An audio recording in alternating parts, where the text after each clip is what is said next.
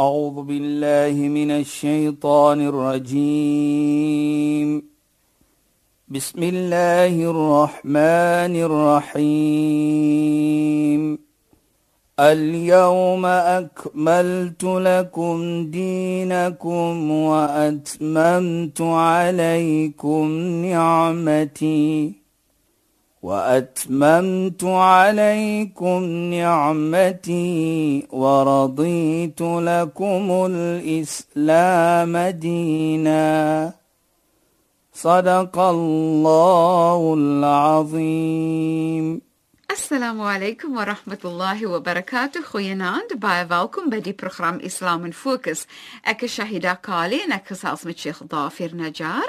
Assalamu alaykum Sheikh. Wa alaykum salaam wa rahmatullahi wa barakatuh. Luisteraars, ons gaan voort met ons geselsie. Ons het gepraat oor Ramadan, verskillende aspekte van Ramadan. Dit was so so interessant en lekker om daaroor te gesels. Nou praat ons oor wanneer ons uit die maand van Ramadan kom, dan glo ons dat ons vergewe is deur Allah. En dan, maar ek wil so graag hê dat ons 'n bietjie meer moet gesels oor die maand van Ramadan was en word ook verwys na as die maand van die Koran. Dit is die maand waarin Allah vir ons die Koran gegee het en daar was dan nou baie Koran gelees en so meer. Kom ons praat net 'n bietjie meer oor die Koran, Sheikh. Ja, bismillahirrahmanirrahim. Alhamdulillah. Wassalatu wassalamu ala rasulih sallallahu alayhi wa sallam wa ala alihi wa sahbihi ajma'in. Wa ba'd. Assalamu alaykum wa rahmatullahi ta'ala wa barakatuh in goeie naam aan ons geëerde en geliefde luisteraars.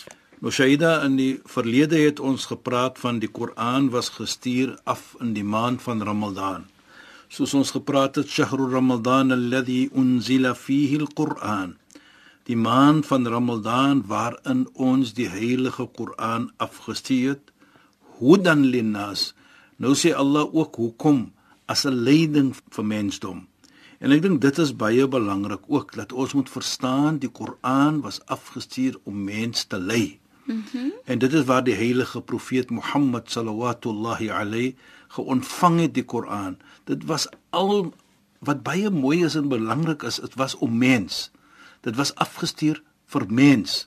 Dit was nie gestuur net na die Arabiese mense of na die die heilige profeet nie, maar as ons dit verstaan, Allah het gekies die maand van Ramadan en het gekies die aand van Lailatul Qadr, die aand van Qadr, krag wat ons sal sê.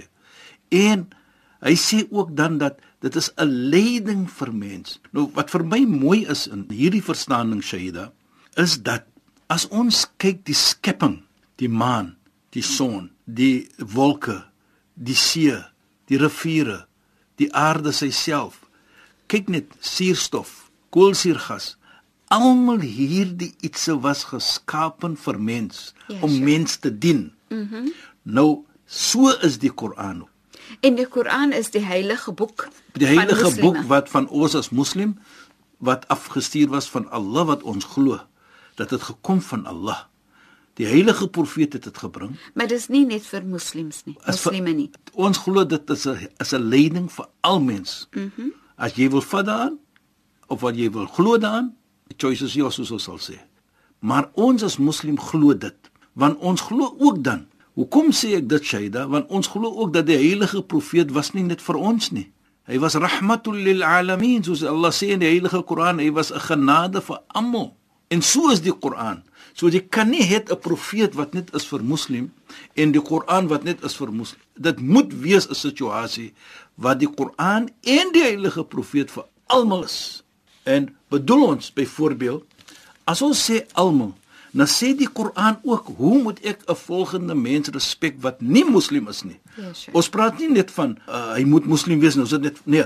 So dis nie net reëls wat betrek op moslime of net vir moslime is nie, maar dit is reëls wat gaan en is vir alle mens. Hoe ek moet nie moslim behandel. Mm -hmm. Hoe ek plante moet behandel. Hoe ek diere moet behandel.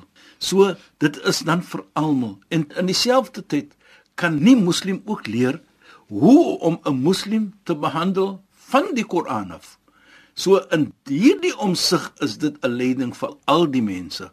En ek dink wat ook vir my baie beïndruk hier is die respek wat getoon word wat ons nou net die maand van Ramadan wat ons die Koran geontvang het hoe Allah subhanahu wa ta'ala vir ons gesê het om hierdie maand te vas in respek volgens mens insiens ja natuurlik dis verpligting om te vas maar ook baie belangrik die respek wat getoon word vir die maan deurdat die Koran afgestuur was. Mm -hmm.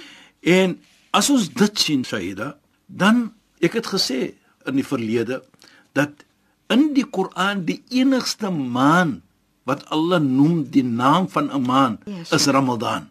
Daar's 12 maande in die jaar Maar dis enigste maand wat Allah noem in die Koran vir al die 12 maande is Ramadan. Dit is vir my baie interessant, né? En interessanter halwe hier Shaida is dat hoe Allah die maand dan ook respek om sy naam te noem in die Koran. Ja. En ek dink dit sê vir ons dan dat die rede hoekom dit genoem word is want die Koran was afgestuur. Dis 'n baie belangrike maand. Dit is die belangrike maand, dit wat hom belangrik maak. En ons het die aan wat Lailatul Qadr khairum min alf shahr van die aan wat ons die Koran afgestuur het is beter as 1000 maande. Nou, dit sê vir ons dan as ons dit sien als in respek van die Koran en dit dan sê vir my dat die Koran is nie 'n ordinêre boek wat ons net lees for the sake of reading nie, maar daar is dis van Allah subhanahu wa ta'ala. Dit is Allah se woorde, dis Allah se prate. En glo ons ook wat Allah sê dan in die Heilige Koran, "Dhalikal kitabu la rayba fi hudan lil muttaqin." In hierdie boek, daar is geen twyfel nie. Allah sê dit in die begin dat daar is geen twyfel in hierdie boek nie. Hoeveel mense het baie kere en ek sê dit net om vir ons te laat verstaan, nie om mense te laat sê dit jy moet moslim word nie. Nee, hoeveel mense het moslim geword deurdat hulle gelees het die Koran, want die heilige profeet byvoorbeeld, hy is nie 'n dokter nie. Hy is nie 'n scientist nie. Hy is nie hy is nie. Maar in die Koran staan sekere dinge beskryf wat vandag mens vir al science kom bydra toe om te sê maar dit is in die Koran. En dan sê hulle ook, kyk soos, soos byvoorbeeld, ek vat die voorbeeld van profeet Moses. In sy tyd was wat hulle sê 'n uh, torery die, die die iets wat gebeur het baie kere. Nou volgens die Koran wat Firaun sy mense bring wat torery maak en Allah subhanahu wa ta'ala het vir profeet Moses gesê vat jou stok en gooi dit op die grond. Toe wat gebeur het? Daardie stok raak dan 'n slang en die slang eet al die ander goeders op. Toe sê die mense wat die torery doen, hy is nie torery nie dit is van Allah. Toe wat gebeur? Toe raak hulle volgelinge van profeet Moses. En ek dink dit hulle verstaan dit. Dit kan nie torery wees nie. En so is dit baie kere mense as hulle lees die Koran, dan sien hulle maar profeet Mohammed, hy was nie 'n scientist nie. Hy was nie en hy was nie. Hy was nie eens op die see nie. Maar die Koran praat van see, die diepte van see, Jy sit jou hand voor 'n sekere diepte, dan kan jy nie jou hand sien nie. Die Koran praat van dit. Maar die profeet was nog nooit op die see nie. So dit bewys vir ons dan hoe wonderlik is dit dat hierdie Koran kan nie wees van 'n mens soos Mohammed nie. Dit moet van eene wees baie kragtig, baie knowledgeable en dit is wat ons sê van Allah subhanahu wa ta'ala. Nou die respek wat getoon word. Allah wys ons die respek met Ramadan die aand wat hy afgestuur het. En wat sê Allah ook? Die krag van hierdie Koran praat hy. Waar hy sê: "Law anzalna hadha al-Quran ala jabalin." As ons hierdie Koran afstuur op 'n berg. Hy maak 'n vergelyking. Wat sal gebeur? Sê Allah: "La ra'aytahu khashi'an mutasaddian." Hy sê daardie berg sal opbreek en die breek sal wees, hy sal in stukkies raak. Khashian min khashyat die bangheid wat jy sal hê vir Allah subhanahu wa wat die Koran die krag van die Koran die sterkte van die Koran dit sal gebeur nou sê ons dan in die mooiste wat ek ook wil sê Shaida is dat in die tyd van die heilige profeet dan daardie tyd was balagha, hulle sê dit in Arabies balagha, poetry, maar nie normale Gewone poetry, gewone poetry nie. Nee. Is hy you know wat ons nou sê, is min woorde maar bedoel baie. Dis ryk. Dis ryk ja. Min woorde. Toe hulle hoor die mense dat die Koran afgekot, toe wat stee Allah af nou? Natuurlik, Allah sê vir hulle in kuntum fi raybi mimma nazalna ala abdina fa'tu bi surati min mithli. As jy twyfel, as jy twyfel wat afgekom het op Mohammed, sê Allah vir hulle, fa'tu bi suratin. Hy sê nie kom met dieselfde Koran nie, nee. Hy sê net met 'n sura. Met ander woorde, 'n sura is byvoorbeeld inna a'tainaka al-kauthar fasalli li rabbika wanhar inna shani'aka huwa dit is 'n sura drie versies klein versies. Bring iets soos dit. Nou praat ons in die tyd van die heilige profeet waar jy die balagha die taalgebruik was ryk. Die poetry was van die hoogste wat ons kan dink aan daar's dit as jy sê is poetry as jy sê is dit as jy sê is van Mohammed daar's 'n voor julle toe kom maar 'n persoon en hy sê toe die alle hierdie dit herinner nou vir my toe sê hy ek gaan dit aanvaar daardie challenge soos hulle sal sê. Sê so, kom toe wat maak hy? Met daardie tyd tot Allah gestuur die surat oor die olifant surat fil alam tara kayfa fa'ala rabbuka bi ashabil fil het julle nie gesien wat Allah gemaak met die vriende van die olifante nie. En nou dit is te doen met die daai mense wat gekom het van Jemen vandag wat probeer het om die die heilige Kaaba te uh, vernietig het en toe gee Allah subhanahu wa ta'ala dat hulle kon dit nie gedoen het nie. Maar in elk geval tot Allah daardie versie afgestuur. Toe kom hierdie persoon met iets op en hy sê al-fil wa ma adraka mal-fil khurtumu tawil wa dhilluhu qasir. Hy sê die fil, die olifant. Wat sal die olifant vir jou sê?